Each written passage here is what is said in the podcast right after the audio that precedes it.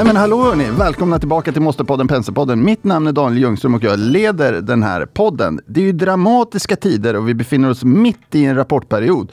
Fokus är på produktmixar, inflation, räntor och en hel massa andra saker. Vi kommer i dagens avsnitt av podden eh, intervjua Christian Fredriksson, Fingerprints VD. Vi kommer prata lite grann om Beijer Electronics. Vi kommer prata Medicover. Vi kommer prata Bubble Room, Beijer Alma, Opticept och kanske något annat också Robert, eller vad säger du? Då har jag nog gått. Då, då, då har du gått ja. Ja, just det. Men ni får gärna prata vidare. Ja, absolut. Vi, vi, vår första programpunkt, det är ju faktiskt att vi ska, vi ska, vi ska träffa Christian Fredriksson och vi ska göra det tillsammans med Marcus. Men innan vi bjuder in Christian till podden, så tänker jag att du Marcus kanske snabbt kan ge oss en beskrivning av vad Fingerprint är för bolag. Ja, eh, så kanske Christian är en bättre, bättre person att beskriva det. Men, du är förbandet kan vi men, säga. Ja, precis. Men det, det, är ju ett ganska högteknologiskt bolag som tillverkar sensorer för fingeravtrycksläsare.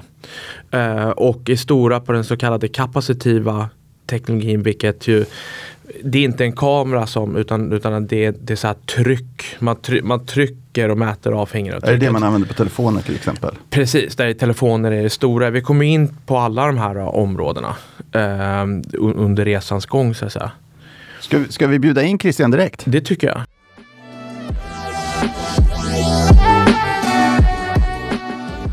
Välkommen till podden Christian. Tack så mycket. Jätteroligt att få vara med här. Christian, du var med 5 juni 2020 förra gången. Det var mitt i coronakrisen faktiskt.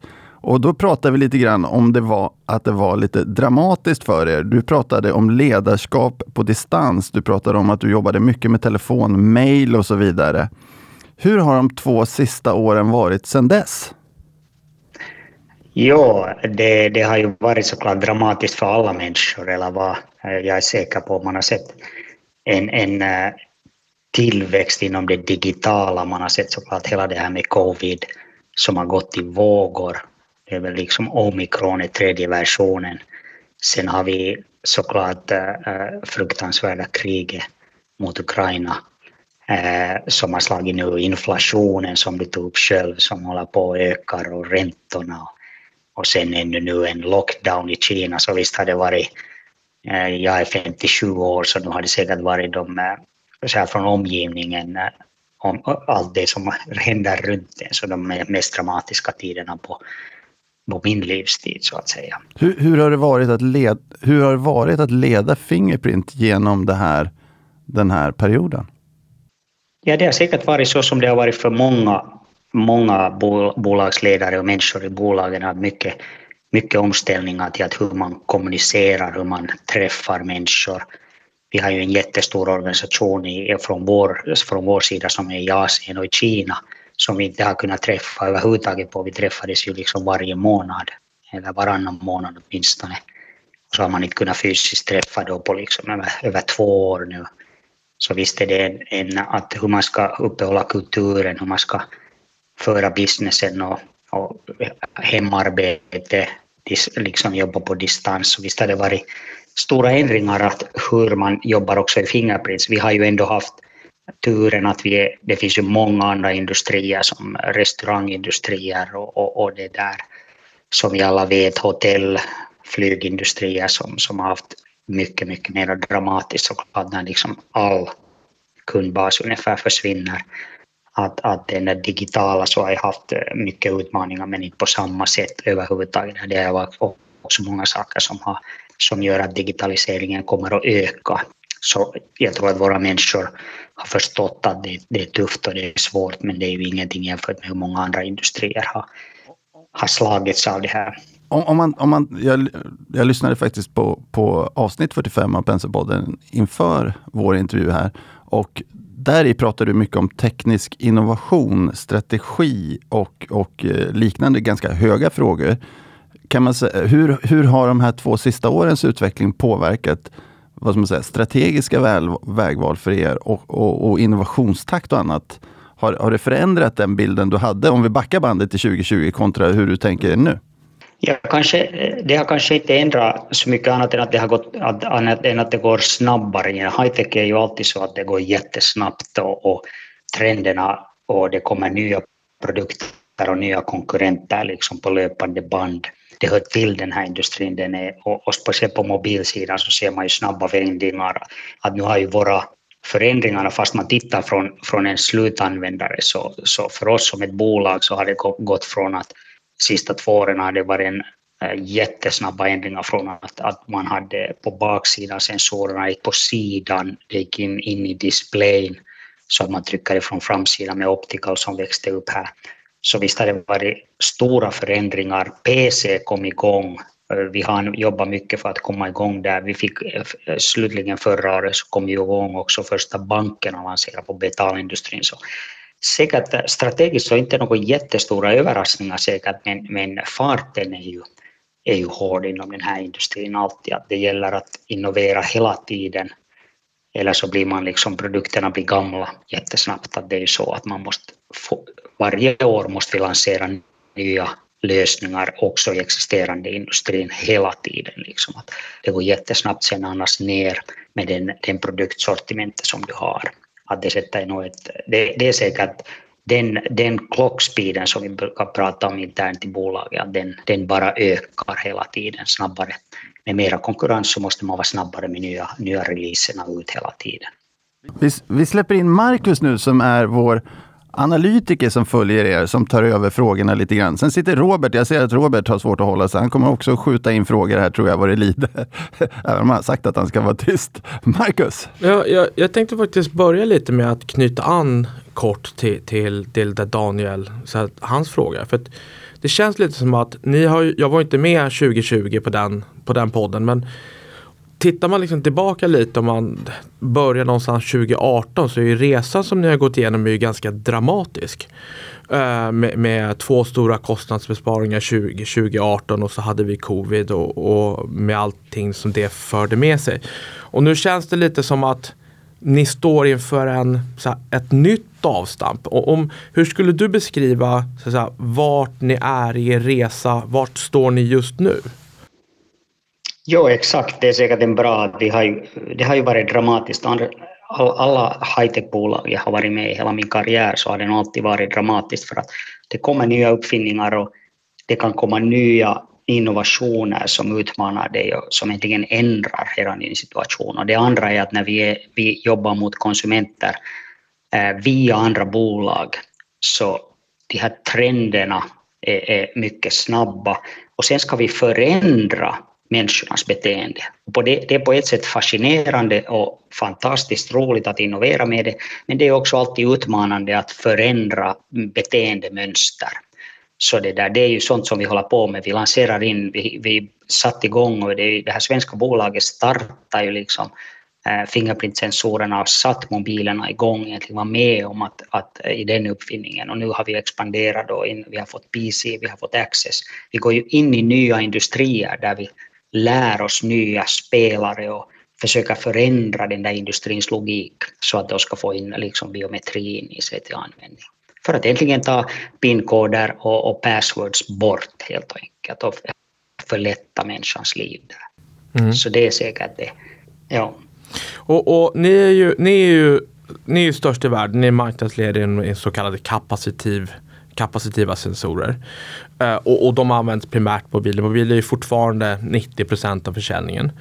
Uh, och, och, ni har väl en storleksordning 30 marknadsdel men, men vill liksom komma upp och ta en ännu större del av, av marknaden. Och vad, vad, vad är det som driver det? Ni är ju redan störst.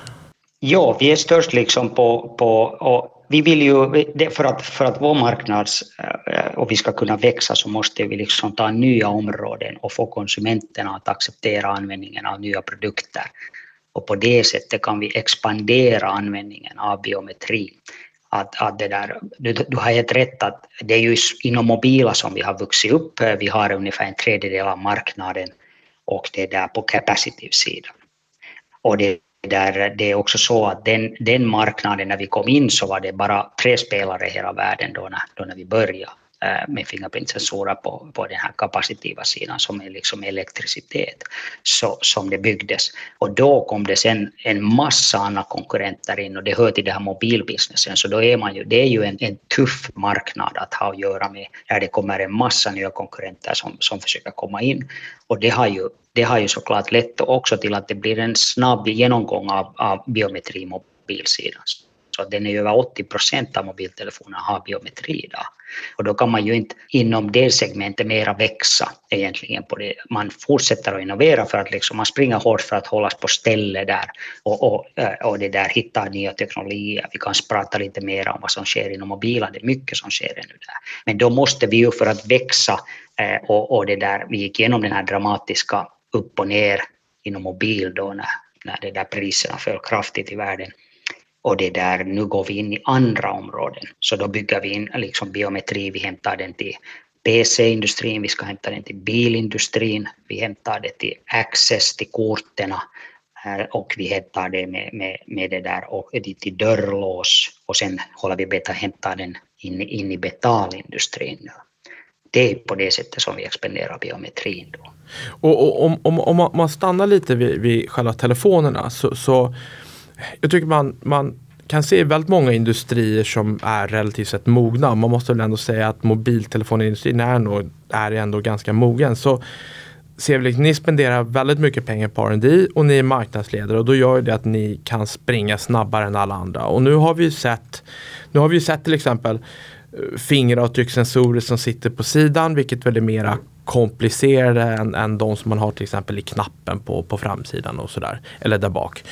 Är, är, är, det, är det den riktningen som vi ser att det blir så här, de större tar mer av marknaden och, och tränger ut de mindre? Eller eh, ser vi de trenderna här också?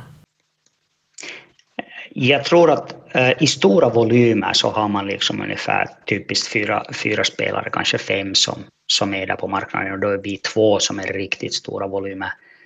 Eh, och sen har du alltid liksom till och med tiotals av de här mindre som alla försöker och jag tror inte att de försvinner, de är ofta, det, det bygger på en sån IPO-mentalitet, man ska ha investeringar. Det finns alltid de här mindre som försöker komma in i alla alla i high-tech, det hör bara till high-tech att de, de försöker innovera och, och, och, och liksom disrupt som det heter, förändra, det hör till alla de här high-tech-industrierna. Jag, jag, tror jag tror inte att den dynamiken försvinner någonsin. Att det kommer alltid spelare som försöker liksom bryta den existerande situationen och hitta på några nya sätt att göra det. Och det, det är bara så som det fungerar. Men du har alltid de, några som gör de här stora volymerna och det är där, där som vi har kommit in såklart. Och sen, men genast om man inte innoverar omedelbart så, så det där eh, slutar ens rättighet att existera. Det finns inga gamla tjänster som vi kan leva på. Det är nog en sån industri. Om man bygger vidare lite grann på då de nya segmenten som, som vi har nämnt om flera gånger hittills under samtalet. Eh, det är PC, det är Access och det är Payment Cards. Och, och tittar man på PC-sidan så, så känns det som att det händer ganska mycket från er sida. Vi, vi såg Lenovo har släppt åtta modeller va, med, med er teknologi. De är ju världens största tillverkare. Ni har blivit, ni har blivit godkända som, som av Microsoft för att vara del av deras så här, inloggning. Uh, och samtidigt så är penetrationen rätt låg. Uh, vad, vad tippade över vågen? Varför sker det här just nu och, och hur, långt, hur stort kan det bli? Ja, alltså eh, som jag sa, bara som en eh, liksom, referens då, så på mobilsidan så är vi nu uppe i 82 procent av mobilerna har biometri. Eh, det mesta är fingerprintsensorer, men du har också Face till exempel eh, där också. Sen har du lite olika fingerprintlösningar dessutom. Du har Capacitive och du har Optical på sidan och framme.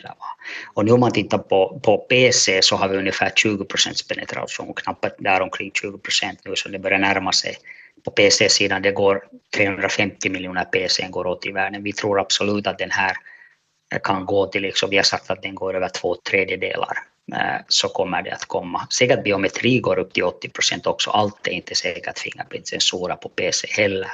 Så det är ju en tillväxt där på PC som, som gjorde att vi har blivit jätteintresserade av vad vi har jobbat nu sen äh, den här senaste tiden extremt hårt. Och som du sa, vi har kommit in nu med fyra av de sex, sex största OM i världen med våra fingerprintsensorer.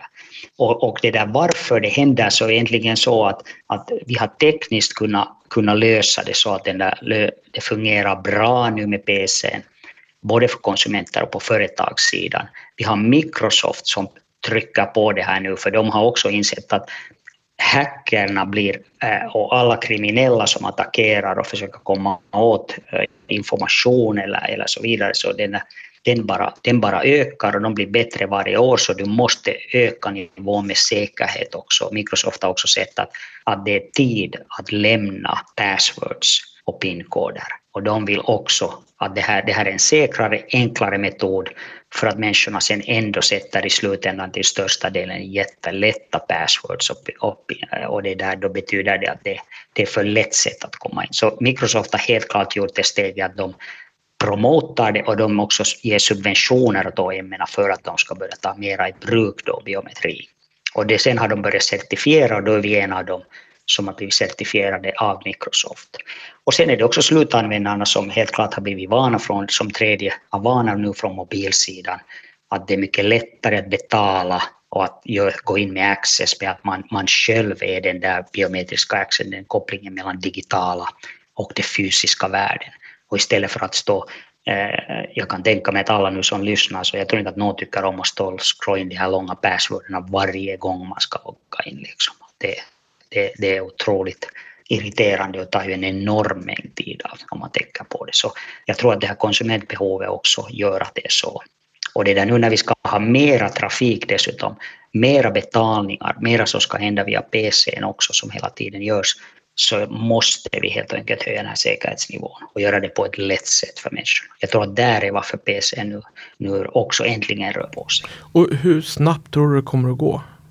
Ja, det tar ju eh, såklart tar det, tar det en tid för att det där vi har kommit in i mycket modeller som du sa, vi är med Lenovo, vi är med Dell, vi är med, vi är med Acer, vi är med Honor, Huawei, Xiaomi. Det är många sådana PC som vi har som vi har, det här som jag sa, fyra, fyra av de sex största.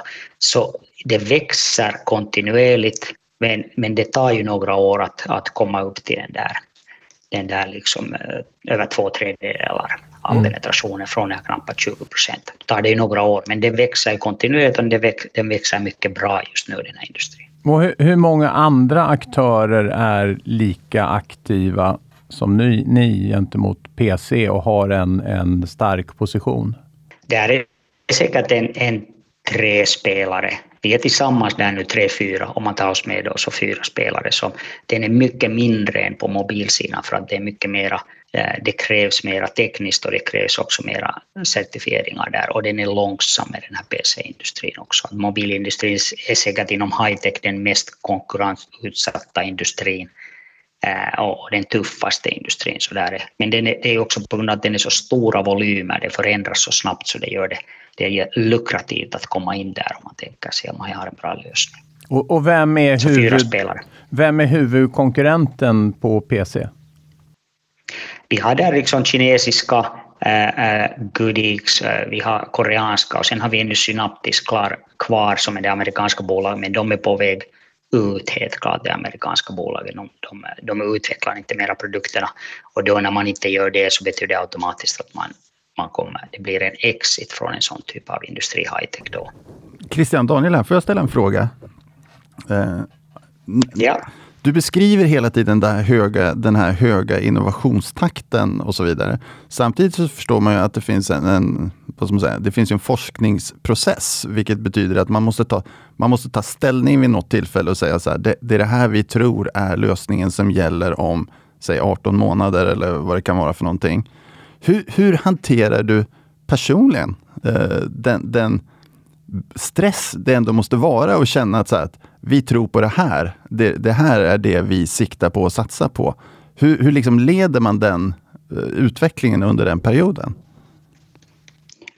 Ja, det är ju alltid det, det, är det som är det svåraste med high-tech och det är det som är det härligaste. Att det är otroligt mycket läsande och lärande och, och, och det där alla, alla studerar och försöker göra. Man försöker balansera med att man har man egentligen har en existerande business där du gör förändringar och, för, och du ser och jobbar nära kunden och du, kan, du måste på det sättet, till exempel på mobila som har vi, vi har kommit in, vi har en jättefin försäljningskanal och kundsupportkanal så vi måste, vi kan tillsammans med kunden kan vi utveckla de nästa produkterna och generationer för att de, de också vet redan vad de vill, de har mycket användar eh, användardata eller vad, tillsammans kan vi göra det. Det är mer närstående utveckling eller vad. Sen har du så här när du går in i PC, till exempel när du går in, det här är säkert mobilen, sen har du in i PC så det där, där måste du själv innovera mera men du vet ändå ganska mycket av att, att och kan prata med OM, men du måste lära dig nya segment, nya kunder du måste börja jobba med och det, det är mycket mera, det är mera risktagande då, men då, då, då ser, jag skulle säga att de här tre basketterna, en är som mobila där du är liksom utvecklar kontinuerligt och du, du, du måste springa extremt hårt för att hänga med. Sen har du den andra basketen som vi har för oss du startar den nu men den är ändå nära dig så du, kan, du förstår mycket av det, kanske du inte förstår själva segmenten så bra, du, inte, du har inte lärt dig känna kunderna så mycket men du går nära dem och ämnena. Sen har du så här som det svåraste som är till exempel betalkorten som hela, hela bolaget grundades på, alltså, som för 25 år sedan, som namnet också säger, Fingerprint Card, det här svenska bolaget som, som satte igång på det, då har du ju en vision och en tro att du kan förändra det där. Och där är såklart de där riskerna sen för att det är inte vi som är banken, det är inte vi som lanserar de där betalkorten. Vi tror på det och vi har jobbat extremt hårt i år för att bygga någonting och nu har vi fått hela industrin med oss och det är ju fantastiskt att se men det är ju också, det är säkert den tuffaste för att människorna frågar hela tiden att hur mycket blir det, när säljer ni, hur många, hur många säljer du? och, och du håller ännu på att försöka förändra ett beteende och förändra liksom den här paymentindustrin. Eh, och du har inga bevis på det där.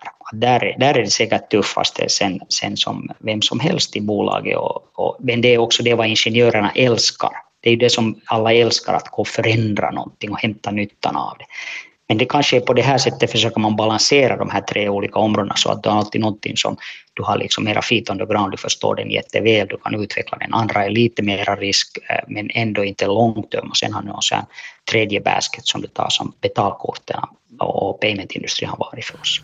För, för om, om, man, om man gräver vidare, vidare på just det där, för det här, det här är ju naturligtvis väldigt, väldigt intressant. Men för att om man säger att PC och Access som jag skulle kategorisera och, och du kan säga om du inte håller med, men det är en marknad som finns där idag och som växer där risken kanske inte är jättestor att den kommer att fortsätta utan tangentens riktning är ju på något sätt där.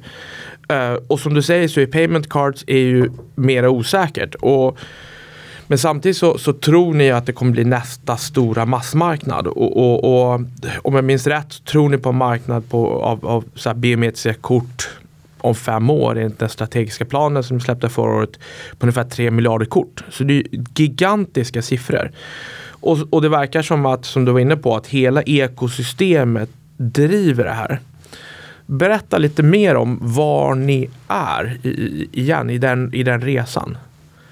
Ja, det är så att, att den resan så är vi eh, den börjar äntligen försäljningen kan man säga och först med att första bankerna lanserade förra året och första stora bankerna lanserade förra året. Så jag såg 2021 som den egentligen riktiga starten med att banker lanserar, för det var det som sen ändå måste hända för att det ska kunna bli någonting. Och före det har vi ju utvecklat produkterna egentligen, eh, liksom eh, sex år sen så började vi jobba tillsammans med det här och, och det är ju alltid den tuffa när du så länge håller på och gör en produkt och utvecklar den och det, det finns ju du, du, har ju bara en tro på, i början. Eller vad. Det är det som finns. Liksom. Man måste ju tro på det och man måste ha sin vision. Och det är klart att det är ju lätt att skjuta ner på en tro för att du har inga något bevis ännu på det. Så är det med allting nytt som high-tech kommer att förändra. Så var det ju när vi förändrade mobilbusinessen. Så, kommer, så, så nu, nu ser det PC-businessen också. Nu är det ingen som ifrågasätter det mer. Men såklart på, på Access-sidan när det rullar så inte är det någon som tänker varför kan man inte ha fingerprint-sensor på dörrlås eller varför kan man inte sätta in det i i bilar och så vidare när den, den liksom håller på. Men betalindustrin var ju säkert den som var, var, den, var den längsta rutten. Den är dessutom en industri som är, är mycket långsam är mycket testande. Så man förstår för att det är så stora, enorma pengvolymer som går igenom det digitala, så de vill inte ta några risker. Så vi har jobbat med att få produktpriset, med att få säkerheten och med att få det här betalkortet att fungera med en Fingerprint-sensor, vilket var såklart stora utmaningar tekniskt Eh, och, och härliga utmaningar tekniskt som vi har gjort. Nu har vi en produkt som fungerar, vi har ett ekosystem som har också är bakom den och nu första bankerna, vi har ju varit med med åtta banker som har vi nu liksom eh, i olika länder. Det största är såklart Frankrike, Mexiko, Jordanien, Schweiz, Marocko till exempel, de två nyaste bankerna som lanserar där. Så vi har åtta banker som lanserar fingerprintsoler. De börjar ifrån high-end först och så jobbar man sig liksom neråt om man tittar på hur den här bankindustrin tar korten i bruk alltid. Och vi måste ju, de förväntningarna är hela tiden från dem att den här korten måste fungera varje gång, hela tiden, jätteenkelt, under en sekund den totala transaktionen. Och då behöver du inga pinkoder mera. Du har bara ditt finger där, om någon annan tar den så kan de inte blippa med det kortet och betala, utan det är bara med ditt finger som det fungerar, eller din familjs finger om du vill ha olika användare på det där kortet. Och den liksom fasen är vi nu att vi ser äntligen vilket fantastiskt, vi ser banker, men vi har ju inte stora volymer ännu såklart. De börjar med och, och, och det där, men den ökar hela tiden. Och det är ju det som det är. Vi, har ju, vi är ju ännu i den där fasen att vi måste bevisa att det här blir någonting, att det finns mycket, mycket det där. Det är liksom lätt att säga att det här inte blir någonting, Eh, från, en, från när man sitter utanför och tänker att allt går mobiler och så vidare. Men vi tror på att det är cash som förlorar. Vi tror jättehårt att det här med betalkorten kommer och nu ser vi ju en åtta banker som har lanserat och det är en jättefin jättebra feedback från slutanvändarna. De är jättenöjda. Det är jätteviktigt för oss att de är jättenöjda med användningen. Hur, hur, lång, hur lång tid tror du kommer att dröja? För du, du var inne och, och pratade om att som det är idag så är det high-end framför allt som, som det vill säga det kostar eh, slutanvändaren, det vill säga bankkunden, att få tag på ett sånt här kort. Eh, och, och, jag tror att ni har pratat lite grann om eh, det här med opt-in, det vill säga just det och att, att det, den möjligheten behöver försvinna för att eh, det ska kunna bli riktigt, riktigt stora volymer. Eh, när, hur långt tror du bankerna måste eh, känna tidsmässigt eller säkerhetsmässigt att, att vi har passerat den fasen så att man kan man tar bort det här med opt-in. Det blir ett, ett, eh, alla kort kommer att, att ha det. Ja, det är just den här opt-in som betyder att, att om du tänker idag så för att få fingerprintsensor hos de här bankerna nu som lanserar så de för marknadsföring för det. Du måste ju, du ska vilja ha den så du meddelar banken att du vill ha fingerprintsensorn och sen det där så, får, så att får du det och sen betalar du för det en månadsavgift om man tänker nu hur franska bankerna har gjort till exempel. Och, och det där, då gör de den som en cool faktor, de, de vill, de vill sälj, sälja den så att säga på det sättet. Och om man tittar så har det gått eh, ofta också med andra teknologier som kommer in i betalindustrin. Och sen det där när de sätter den så att om du tar ett kort idag så kommer det eh, kort i det, betalkort, bankkort eller kreditkort, och så kommer det en pinkod, kommer två brev eller något annat sätt att eh, med mobilen att sätta, sätta den i bruk och, och det där. Du, ingen frågar dig att vill du ha en kontaktlös kort till exempel eller kontaktkort utan det bara kommer till dig.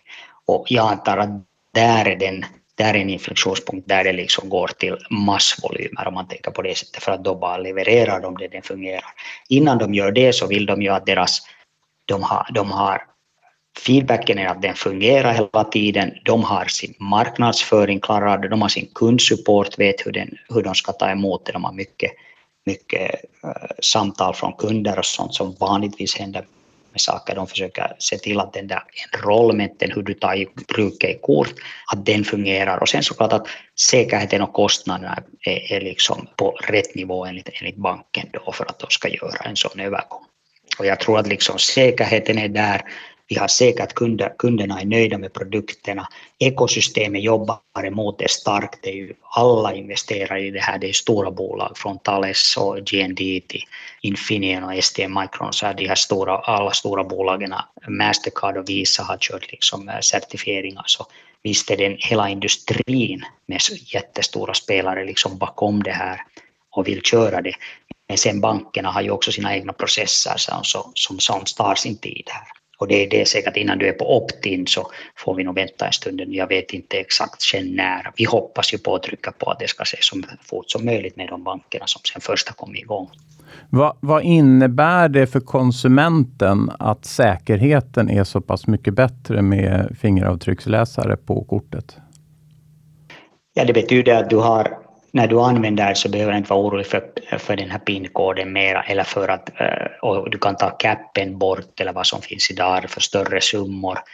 Eh, den är säkrare och snabbare. Det är det som är det ovanliga med den här lösningen. Oftast är det i, när man pratar om säkerhet och cybersecurity så är det så att ju mer lättanvänd den är, desto mer osäker blir den och ju mer säker den är, så desto mera oanvändbar blir den. Att här är ju en av de få situationer med biometri där du kombinerar lättanvändhet och säkerhet. Så du slipper PIN-koden, du har en större säkerhet på koden, man kan inte använda den om du, om du tappar den, du kan inte gå och plippa med den och så vidare. Man kan inte, det är, så, det, är det. Idag är det ju 200 eller 300 kronors eh, eh, begränsning i Sverige och 50 pund i England och, och, den försvinner Exakt. då den försvinner sen, du behöver inga, inga gränser, du kan betala vilken summa som helst egentligen sen när ditt finger är på där. Jag, jag kan säga att jag, jag har faktiskt ett äh, sånt här kort äh, som, som jag har använt sedan sen, äh, två veckor nu. Tyvärr så, så, och det vet Christian om, tyvärr så är det ju en, en konkurrent då, men bara för att och, jag kan, kan, kan ju säga att själva eh, teknologin fungerar ju eh, och, och, är eh, väldigt smidig och, och eh, lite kul faktiskt att använda så här i, i början. Och, och Robert visar upp det i lokalen. Hörni, hörni, hörni, det här har varit supertrevligt. Vi, vi har en fråga till ja, som fråga, vi gärna vill, vill fråga. Ja, vi skulle vilja avsluta och prata lite grann om marginalen i, i Q1. För den, den kom ju ner ganska dramatiskt och, och, jag tror att det är värt att försöka förklara lite kanske vad som hände. Ja, exakt och, och det där vi har ju sagt att vi ska, vi växte i förra året, vi har sagt att vi, vi ska växa det här året och gett en prognos om det. Vi sa att vi ska ha en svag eh, första kvartal, det har vi också seasonalitymässigt alltid. Att det där om man förklarar det, vi har alltid så att när man tar det här julutbudet och man tar kinesiska nyårets utbud så laddas det in förråden in i kanalen för att sälja ganska mycket och sen tittar de här OM på PC-sidan och på mobilsidan till exempel, då främst som vi har ganska mycket mobil, så tittar sen hur det går under Q1 och sen tar de lite, lite mindre bara in. Det betyder alltid att vår första kvartal är svagare.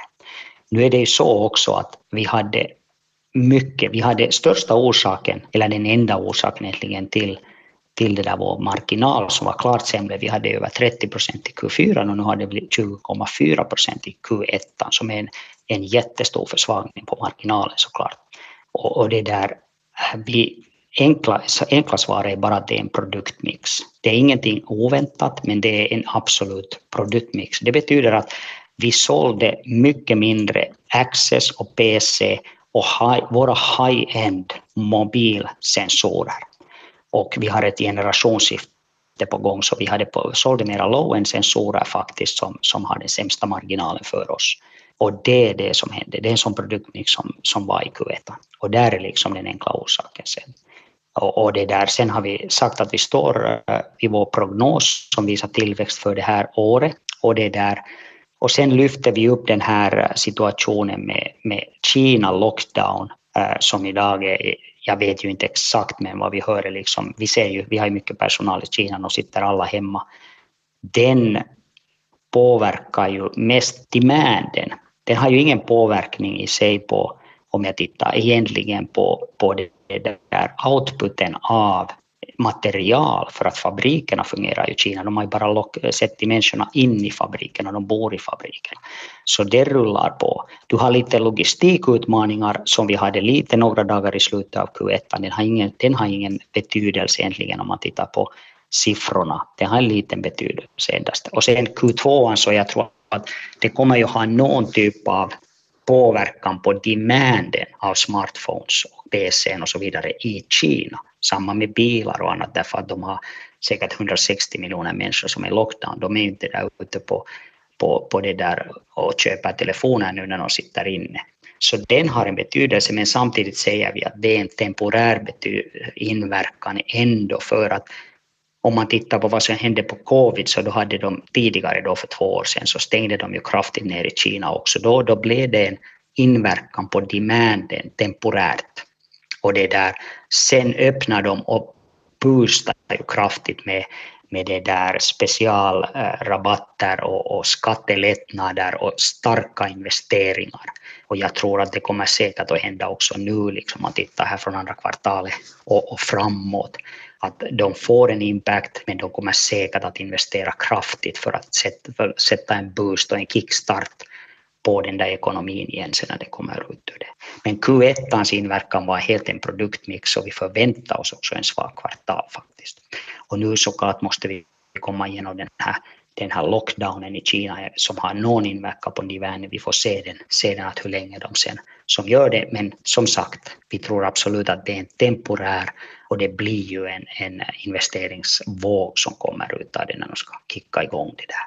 Att där är säkert eh, hoppeligen kunde jag förklara lite varför det blev. Vi ser också att den här i slutet, att den här bruttomarginalsimpacten så den är inte, det är inte den där bruttomarginalen som vi springer på som, som eh, vad vi har sagt och därför vi tror på en växande bruttomarginal på grund av att de här nya områdena kommer igång igen för oss så som, så som vi har planerat här från Q2 framåt sen. Och det impact ger ju en positiv eh, påverkan på marginalen sen när vi får mer high-end-produkterna kommer in och därför har vi ju en, också en tro på en växande bruttomarginal och det syns ju också i vår guidance. Det här är kanske det som jag hoppas det kunde förklara den här förändringen. Men jag förstår ju att det blir reaktioner eh, på grund av en svag Q1, en, en klart svag liksom, bruttomarginal. Just nu Christian är det mycket som ger reaktioner. Christian, det har varit supertrevligt att få ha dig med i podden. Tack så mycket, det var jätteroligt att vara med här. Tack och härligt att delta. Ja, så får vi ta en uppföljning här. Det är kul att följa den här innovationen och att det alltid händer grejer. Så följer vi upp det här om, ja. om ett tag. Ja, ja, faktiskt. Det, det är nog en fartfylld bransch det här överallt. Ja. Fantastiskt att få vara med om det och lite halvtokigt ibland också. Men en, en mycket, mycket intressant och givande och fartfylld område. Jag förstår det. Tack så mycket för idag. Ja. Hej! Tack så mycket. Hej då. Tack Christian. Hej då.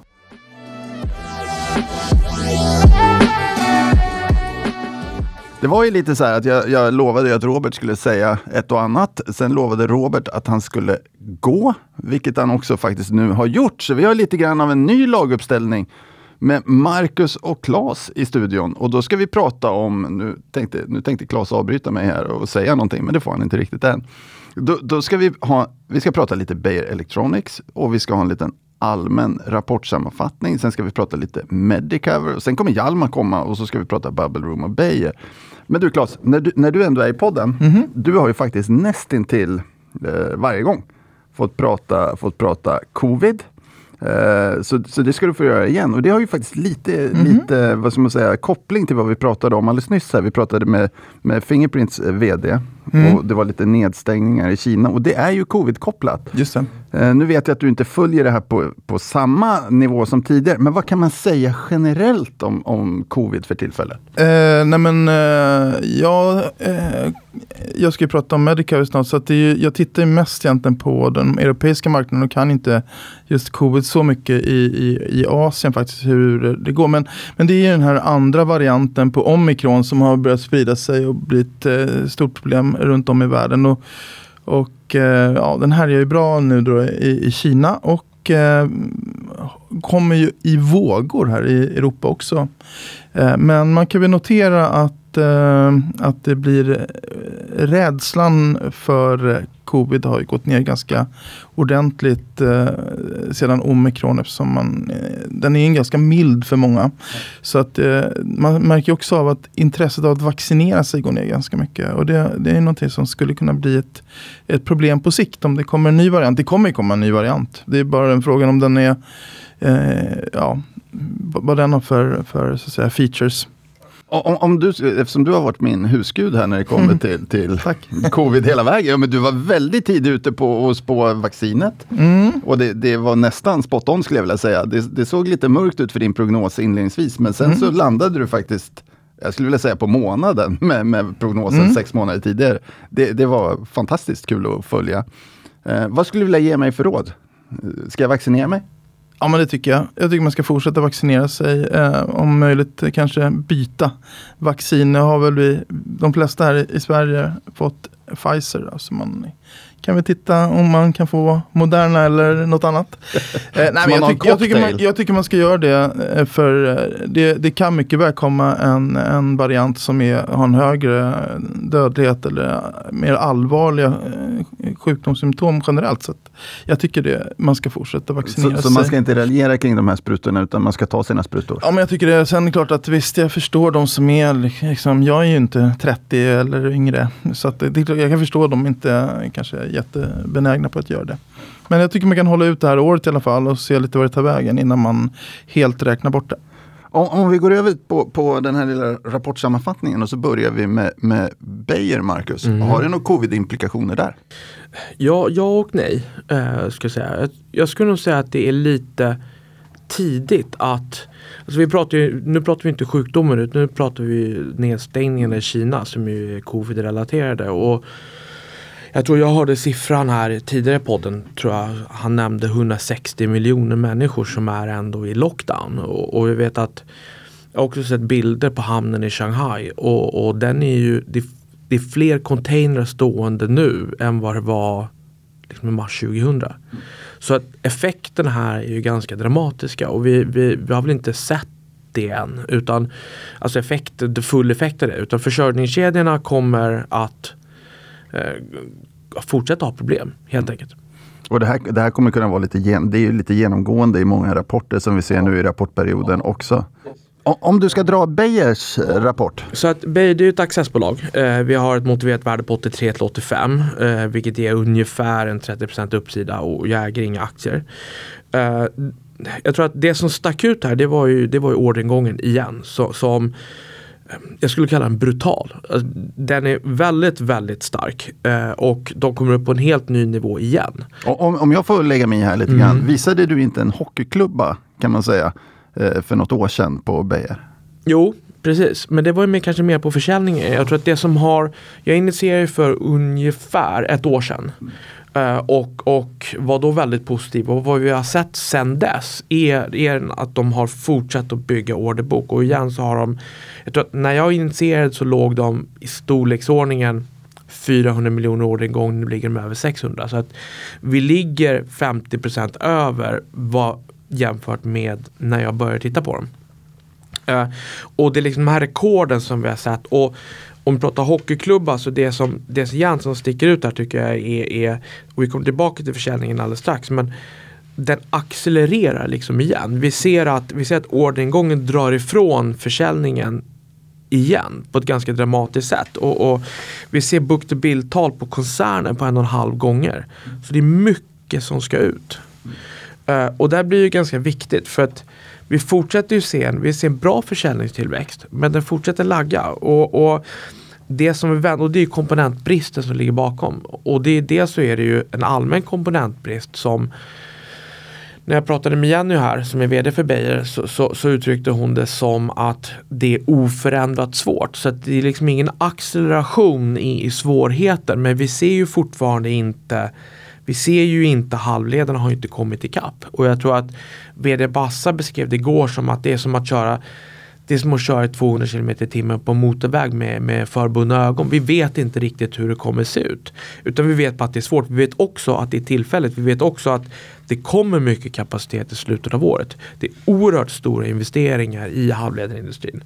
Men där vi står just nu på Beijer så, så laggar försäljningen och vi har inte riktigt sett den här hävstången som, som vi har velat se. Och det är ju för att vi har de här högre kostnaderna och för att försäljningen laggar.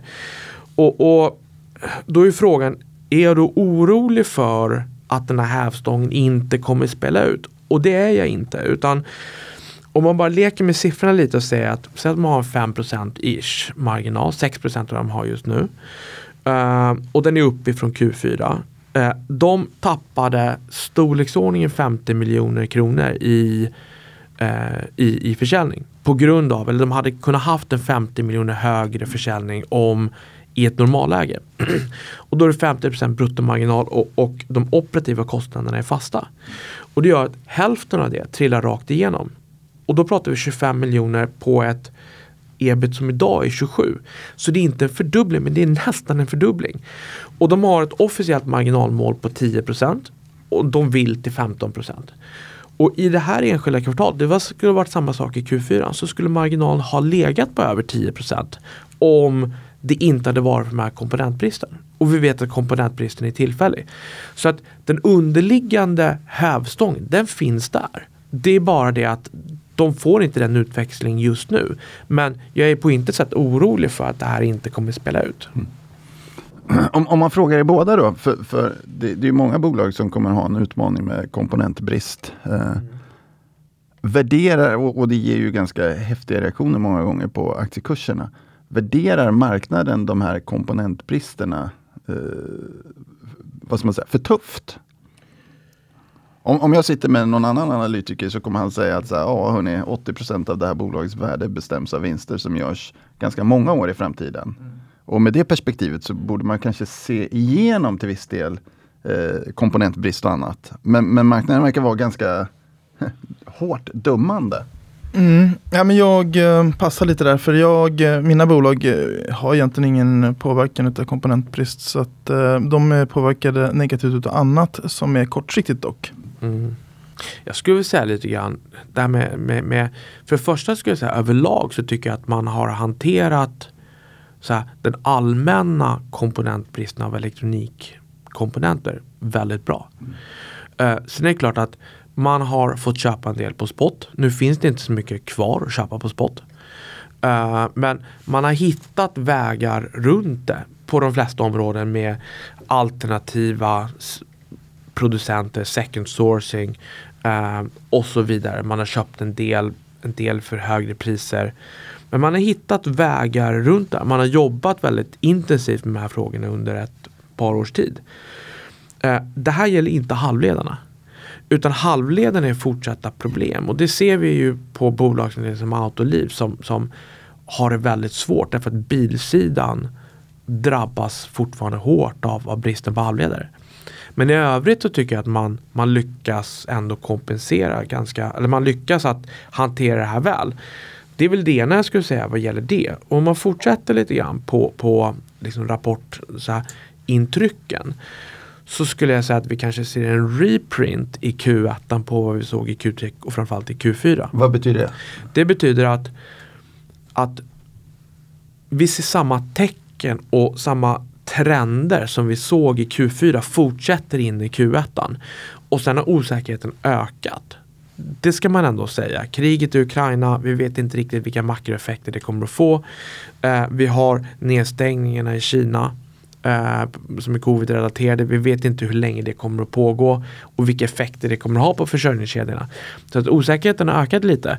Men efterfrågan är super, super, super stark. Och, och det är nästan varje bolag som trillar in i min mailbox, eh, åtminstone på tillverkningssidan, är, säger ungefär samma sak. Det vill säga att man slår förväntningarna på orderingången kraftigt. Och man lyckas heller inte riktigt få ut försäljning i samma, samma utsträckning. Men orderingången, efterfrågan finns där. Sen skulle jag säga att, att en annan grej som jag tycker sticker ut och som, som är intressant att, att notera. Det är att de flesta av de bolag som jag har tittat på som är liksom i det här ledet. De får igenom prishöjningar för att kompensera. Så att marginalerna tar kanske inte så mycket stryk som man kanske hade väntat sig. Utan det inflationstrycket det, det, det kommer ju att sippra ner och så småningom landa på vårat bord. Alltså som konsumenter. Uh, och någonstans så kommer det här liksom att liksom tappa fart på vägen. Uh, så att alla parter kommer vilja ta en del av det här och sen så, så får vi ta slutnotan. Men det sker inte här, utan man lyckas i mångt och mycket kompensera fullt ut och man har varit väldigt duktiga och proaktiva på att göra det här. Så att marginalerna är rätt okej. Okay. Mm. Och jag tycker att det är intressant att, att notera. Och, och, och vad, tror du att det här kommer vara ett genomgående tema och ett övergående tema? Om vi tar genomgående för rapportperioden och övergående. Ja, jag tror att Igen, ja och nej. Jag tror att det, det, är väldigt svårt att säga om vart det här kommer landa någonstans. Och det är just för att vi, vi, vi jag önskar att jag hade ett stoppdatum på, på kriget i Ukraina. Och, jag önskar att jag hoppas att, att nedstängningen i Kina är att Shanghai, hamnen i Shanghai kommer att öppna snart. Uh, men jag vet ju inte. Så att det beror ju väldigt mycket på, på de faktorerna. Så att vi vet helt enkelt Och det är den osäkerheten som kanske speglar sig i, i aktiemarknaden till viss del? Ja, precis. Men, men, men, man ska ju ändå, man ska ändå notera att de är ju, bolagen är ju oerhört välskötta. Vi har ju sett hur man har jobbat med strukturen väldigt mycket under det senaste decenniet. Så att när man, man gick in i en finanskris 2008-2009 eh, och var i många fall i ganska dåligt skick. Och, och, det slog väldigt, väldigt hårt. Sen har man jobbat väldigt, väldigt mycket med strukturen.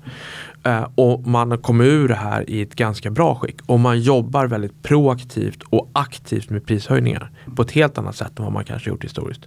Så man är duktiga. Och det finns en accept, eller acceptans för absolut, prishöjningar och så vidare? Absolut, det är klart att det är, det är aldrig lätt att få igenom prishöjningar men det finns absolut en acceptans. Vad i rapporterna överraskar dig mest? Orderingången. Att Styrk, så... Ja, styrkan på efterfrågan. Den är, den är väldigt stark. Vad kommer, vad kommer efterfrågan ifrån? Är, är det att vi har liksom under covid och så vidare efterfrågat mindre och nu är det en superstark efterfrågan? Eller är det att hela konjunkturen bara är stark? Förstår du vad jag menar? Jag vet inte hur jag ska uttrycka det. Jag tror att det är en kombination av de två. Det är nog, det är nog en del som är latent fortfarande. Mm. Uh, men sen är, sen är konjunkturen väldigt, väldigt stark. Sen så, så vet vi inte vad som kommer ske med räntor och, och, och, sådär. Men, men, men, där vi står just nu så är konjunkturen väldigt stark. Och, och alla som jag har frågat för någonstans så tycker man ändå att om orderingången är väldigt stark, efterfrågan är väldigt stark, men det är svårt att få ut prylarna för att på grund av komponentbrist och på grund av försörjningskedjor och på grund av dittan och dattan och höga bränslepriser och så vidare. Så borde man tycka att någonstans, någon gång så kommer det också sätta sig i efterfrågan och påverka efterfrågan negativt. Men ni, där är vi inte än. Ni, ni, kan, ni, ni, med er erfarenhet kan ju rätta mig om jag har fel här, men man brukar, ju, man brukar ju säga att efter den första räntehöjningen så ska börsen, historiskt sett i varje fall, då, gå hyggligt bra under en, en period. Och det förklaras väl egentligen av att man ofta när man gör en räntehöjning då har en stark ekonomi. Så, så, så ur den, och då får man lite inflation på köpet kan man säga. Och så vill man bromsa det där med lite räntehöjningar och så vidare. Och så har vi lite covid och annat nu då som, som stör bilden. Men man kan säga att det lirar ju hyggligt väl det du säger. Klas? Ja. Vad ska du prata om? Jag ska prata om Medicover eh, som också är ett fantastiskt fint bolag. Eh, och eh, ett Penser Access-bolag som vi har motiverat värde 260 till 265. Aktien handlas runt 167 kronor. Har ju haft en eh, en, en jobbigt år på börsen hittills i år, eh, ner med över 50 procent. Eh, men de kommer med sin Q1-rapport där och det har ju funnits väldigt mycket osäkerhet givetvis kring deras verksamhet som är, har utgjort 9 procent utav bolaget som man har i Ukraina. Och för den delen annat som stigande räntor och multipelkontraktioner och så. Men det var en bra rapport och jag tycker fick, eh, den slog mina förväntningar och marknadens och eh, dock inte på lönsamheten men den var i linje. Eh, jag tycker liksom att eh, det man hör är att allting på, i, på deras huvudmarknader, där, där är väldigt stark fortsatt efterfrågan. Man får inga överspillningseffekter utav Ukraina-konflikten. Men det är klart att det finns i verksamheten ett kostnadstryck eftersom man behöver rekrytera personal. Och, men, men det som är till skillnad med, mot de här bolagen med komponentbrist och annat så har ju Medicover konstant jobbat i en form av kostnadstryck eftersom man har en, en hög efterfrågan på personal och eh, i de här länderna en hel del personal som flyttar till andra länder och, också. så. att det finns ju ett latent sådant. Så att, eh, jag tycker bolaget historiskt sett är väldigt duktigt på att hantera det och att, eh, att föra kostnaderna vidare. Och man pratar om att man har kunnat höja priser och liknande i år också.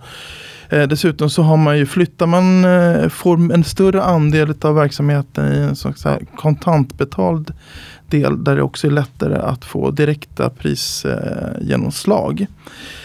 Men, eh, men, eh, men som sagt, vad kan man säga eh, annars då? Om framtiden så, så fortsätter bolaget med sin verksamhet i Ukraina och man faktiskt räknar med att kunna eh, öppna upp lite mera verksamhet nu redan i maj i Kievregionen och så. Så att de andas väldigt mycket optimism.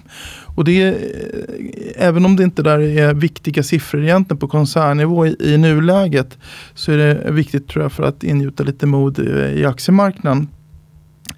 Eh, men dessutom så, så som också eh, man ska komma ihåg bolaget där, det är att de gör eh, mycket förvärv och gjorde väldigt mycket förvärv. Och det har delvis också slagit mot marginalen under första kvartalet som, som kanske inte uppmärksammats tillräckligt mycket. Men, men, men eh, det här är ju något som kommer ge effekt på sikt. Och eh, man ger också en bild av att det finns väldigt mycket bra tillgångar att köpa och att man har bra access till till kapital. Så att, eh, och då i, vad gäller på, på lånesidan då, då, inte emittera och så.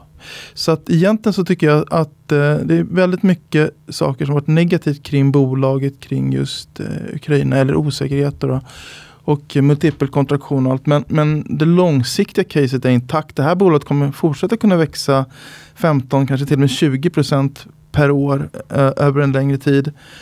Varav ungefär 60-70% är organiskt.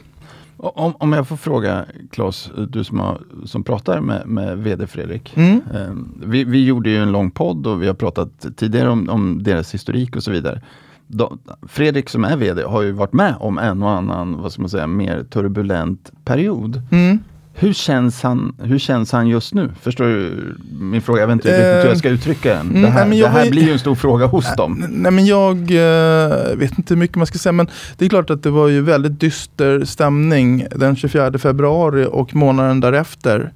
Uh, men igår då på rapporten tycker jag ändå det andas en optimism och de, eh, de har ju liksom, eh, personer på plats så att säga. Och, de, de, de, de, tyck, de, de har en väldigt bra, tycker jag, det låter som att de har en väldigt bra liksom, gemenskap i, i bolaget och stöttning också från de verksamheter man har i, i, i närliggande länder.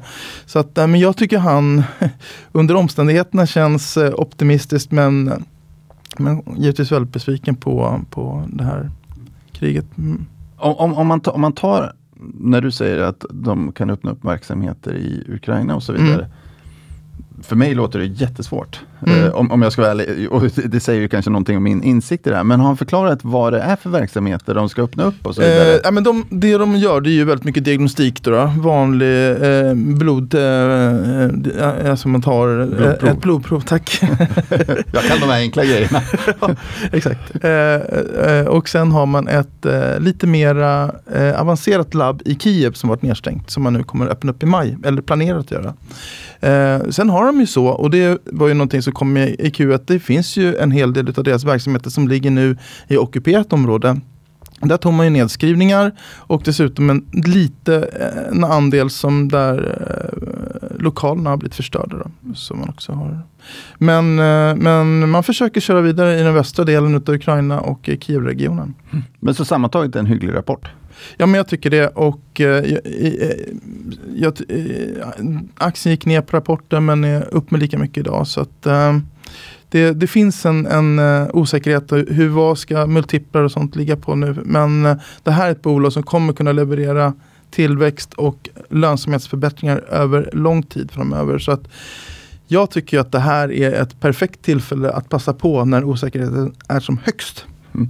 Vi, vi, ska inte, vi, vi, har ju faktiskt ingen punkt här för, för allmänna äh, ra, rapportdiskussioner i ditt segment. Men om vi ändå, eh, om vi ändå smyger in en liten sån. Eh, har det kommit, det har inte kommit så jättemånga rapporter ännu kanske?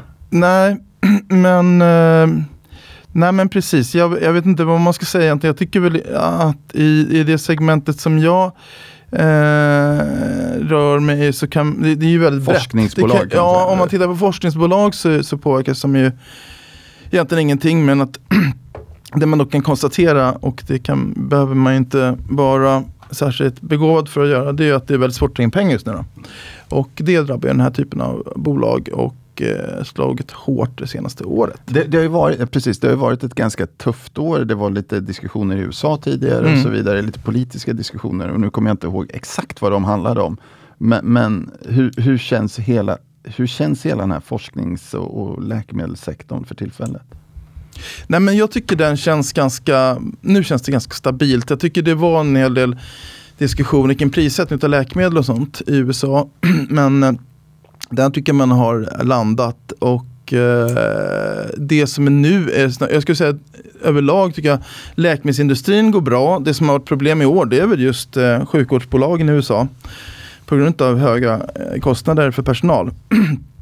Eh, men, eh, men överlag tycker jag just läkemedelsindustrin verkar gå väldigt bra och stabil på alla sätt och vis. Och det man nu väntar på vad det gäller mera biotech-sidan av industrin det är väl att, att de här bolagen ska börja använda sina stora kassakistor till att börja köpa tillgångar. Det har jag sett lite grann. Men, men det är klart att när priserna är i fritt fall neråt så så blir det lite svårt att göra affärer. Så man kan säga att just nu har köpare och säljare lite svårt att hitta ett jämviktspris? Ja, men det är väl uppfattningen i alla fall att det är så. Och, eh, men, men jag tycker det finns ingenting fundamentalt som jag kan se just nu som kan förklara det mer än att just det här med vad är de här tillgångarna egentligen värda.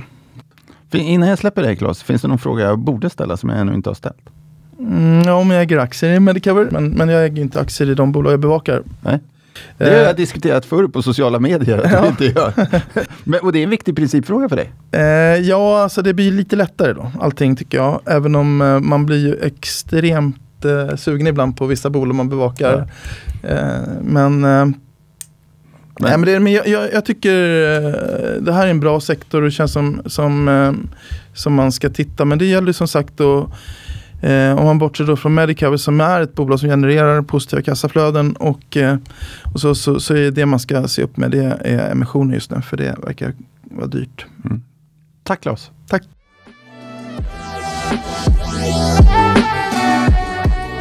Sådär, då har vi släppt ut Claes i studion och så bjuder vi in Hjalmar. Hallå Hjalmar! Hallå hallå! Vad ska du prata om? Eh, det är lite blandat nyhetsflöde och rapportflöde. So far inte så långt in i rapportperioden så att eh, några av mina bolag har rapporterat men det har varit lite nyheter. Mm. Så att eh, vi kör en blandning. Ja. Eh, först så ska jag då prata om Opticept. Eh, det här är ju ett accessbolag. Eh, vi har motiverat värde på 128 till 132, vilket är en uppsida på ungefär 100 procent och jag äger aktier i bolaget. Reminder om vad de gör. De tillverkar det här systemet som förlänger hållbarhet för växter och livsmedel. Och vårt case bygger mycket på att vi bedömer då att marknaden fortfarande underskattar eh, den förankring som bolaget har, i, inte minst i, i snittbromsmarknaden. Eh, och, och, och vi tror att den här eh, förankringen kommer leda till att man knyter till sig kunder och, och i det långa loppet eh, avtal och, och, och, och hårda affärer. Då. Och vi tror att om bolaget skalar upp verksamheten från den här nivån och når ett moget stadie så kan man ha en rörelsemarginal på norr om 50 procent. Och jag pratar idag med anledning av nyheten som bolaget släppte igår. Att Dagab meddelar att de kommer att behandla alla de snittblommor eller de rosor som man säljer i Sverige då med Optiboost. Eh, Dagab är ett samarbete som eh, Opti, Opticept har haft, haft och löpt under hela 2021 och som nu mynnar ut då i ett avtal som är värt eh, mellan 3 till 5 miljoner kronor per år enligt bolagets uppskattning. Mm. Vad det här gör är att det ger ett eh, proof of concept för systemet. För även om man tidigare har haft en påvisad effekt och, och i viss utsträckning genererat royalty så är det här första avtalet av den här digniteten. Och det stärker också våran tes då att, att man har en väldigt stark förankring i blombranschen. Dels för att man kan knyta till sig de här samarbetspartnerna men nu också att eh, samarbetspartner väljer att behandla blommor i stor utsträckning och det genererar intäkter för Optiset. Eh, blickar vi framåt mot 2022 så ser vi att det här avtalet kommer vara en viktig referens och eh, vi tror att den här kommer underlätta förhandlingar som bolaget bedriver nu för tillfället då i Holland, Colombia, eh, Kenya och Storbritannien. Eh, och hos de här motparterna så ser vi potential då för affärer som är många gånger större än, än Dagab och, och, och det här skulle kunna understryka bolagets eh, starka förankring i marknaden och, och stärka multiplarna från dagens nivåer. Härligt Hjalmar! Vad ska vi prata om mer? Eh, nästa bolag är då Beijer Alma. Mm. Det här är ett accessbolag och ett casebolag. Eh, vi har senast betalt 207 kronor och en uppsida på 30 procent från de här nivåerna. Och här äger jag inga aktier. Eh, reminder om vad bolaget gör. De är ju en tillverkare av industrikomponenter med en stor andel specialtillverkade delar.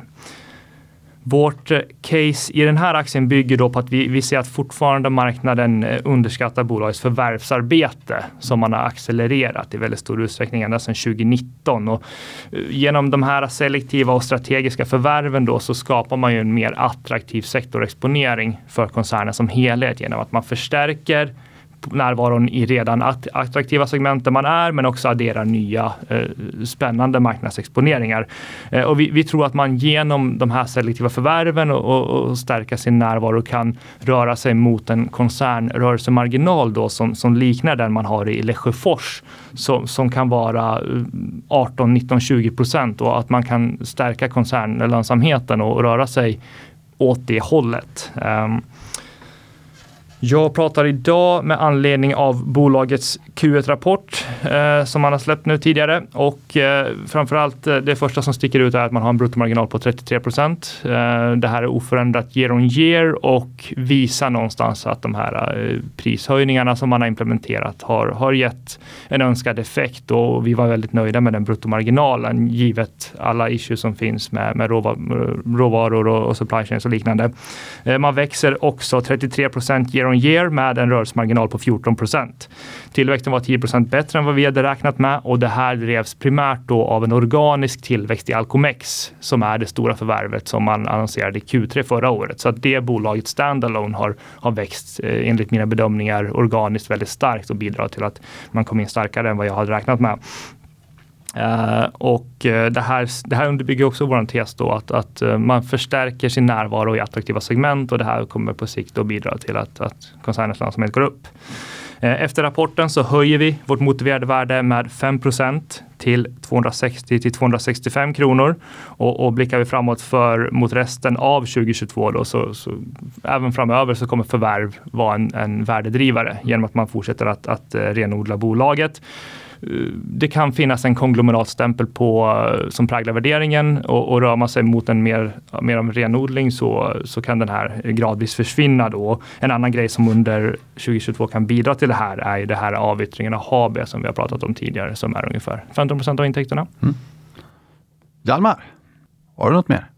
Yes, eh, jag ska prata om ett tredje bolag. Det här är ett bolag vi kommer tillbaka till. Jag pratade för några veckor sedan om det här i samband med att vi initierade och eh, det är Bubble Room. Bubble Room är ett accessbolag. Vi har en uppsida på 39 procent från den senaste betalda kursen på 31 eh, kronor och jag äger inga aktier i, i det bolaget. De släppte, eh, förlåt, en reminder om vad de gör. Det är en onlinebaserad återförsäljare av eh, kvinnokläder med eh, stort eh, fokus på, på festkläder. Och här har vårt case ända sedan initieringen varit att bolaget kommer, bolaget säljer ju kläder som används i festliga sammanhang. Det är bröllop, det är studentfester och liknande. Vi, vi, tror väl att under första halvan av 2022 så skulle man redovisa stark försäljning mot bakgrund av att den här typen av evenemang återupptogs från att ha varit lite åsidosatta då under pandemin och det här skulle kunna driva bolagets försäljning och, och göra att man växer starkare än mer breda klädhandlare. Vi har till exempel ett, ett Nelly där som, som redovisade svaga siffror idag. Eh, och bolagets Q1-rapport visar på tillväxt year on year på 30 procent i jämförbara enheter och det här understryker ju då våran tes att den underliggande marknaden för ett bolag som Bubble Room är väldigt stark. Um, Bruttomarginalen 63 procent. Det här är i, i, i branschen otroligt starkt. Eh, tillhör de absolut eh, starkaste bruttomarginalerna och, och något som vi ser som en väldigt stor styrka. Vi, vi lämnar estimaten på topline i stort oförändrade, men vi höjer mot vårt värde med 5 procent efter rapporten. Och Blickar vi framåt nu mot återstoden då av 2022 så ser vi att en viktig drivare för kursen är den här Europalanseringen då som man har via Zalandos eh, plattform. Eh, man planerar en lansering på sex marknader under 2022 och vi, vi tror då med stöd i det här att bolaget kan växa 30 procent i år och skulle man lyckas med de här lanseringarna så ser vi att, att eh, man kommer kunna stärka värderingsmultiplarna och ses lite mer som ett starkare tillväxtcase. Hjalmar, vilken genomgång! Ja, men kort och koncist. Eh, du har gått på kurs? ja, exakt. Lite mera, ja, lite mera fokuserat så, pitcha in bolag. Ja, jag tyckte du fick med allting faktiskt. Vad, vad, tycker du allmänt om rapporterna som kommer nu som du tittar på? Ja, vad ska man säga? Nu, nu har det inte varit så många av de som har kommit in, men det man ser i alla fall hos bolag som, som är väldigt beroende av en fungerande supply chain och, och så, det är ju att lagernivåerna kommer upp. Eh, sen så Uh, många bolag säger ju att man är nöjda med nivåerna och det handlar om att man ska ha en, en beredskap för att bemöta fortsatt osäkerhet. Så. Men det är väl den generella trenden. Kollar man på på, på, för Beijer Almas del så, så stärktes den ju eh, egentligen kvartal för kvartal då nu i, i, i Q1 här. Men, men, det är ju en av styrkorna i just Beijer Alma och det var ju det vi såg på, på bruttomarginalen. Närheten till kund och, och att man har liksom lyckats eh, någonstans eh, parera de, de utmaningarna som finns i försörjningsleden. Hörni, det blev ju en jättepodd här. En och en halv timme tycker jag nästan att det ser ut som vi har hållit på när vi har klämt in vår disclaimer här på, på ett par minuter som ni kan lyssna på härnäst. Så får ni nog faktiskt summa summarum en och en halv timme.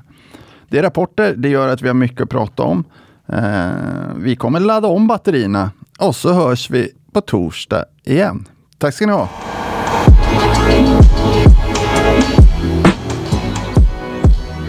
Denna podcast är utgiven av Erik Penser Bank och är avsedd att marknadsföra bankens tjänster. Vissa bolag som nämns kan därmed ha något samarbete med banken i form av fondförvaltning, analystjänster, certified advisor-uppdrag med mera. För mer information om dessa tjänster, fondförvaltning och även bankens hantering av eventuella intressekonflikter vänligen se bankens hemsida www.penser.se. Vänligen notera att investeringar i finansiella instrument, inklusive fonder, är förknippade med risk. Historisk avkastning är ingen garanti för framtida avkastning. De pengar som placeras i finansiella instrument kan både öka och minska i värde. Och det är inte säkert att du får tillbaka hela det insatta beloppet. Ingen del av Penserpodden ska uppfattas som investeringsrekommendation.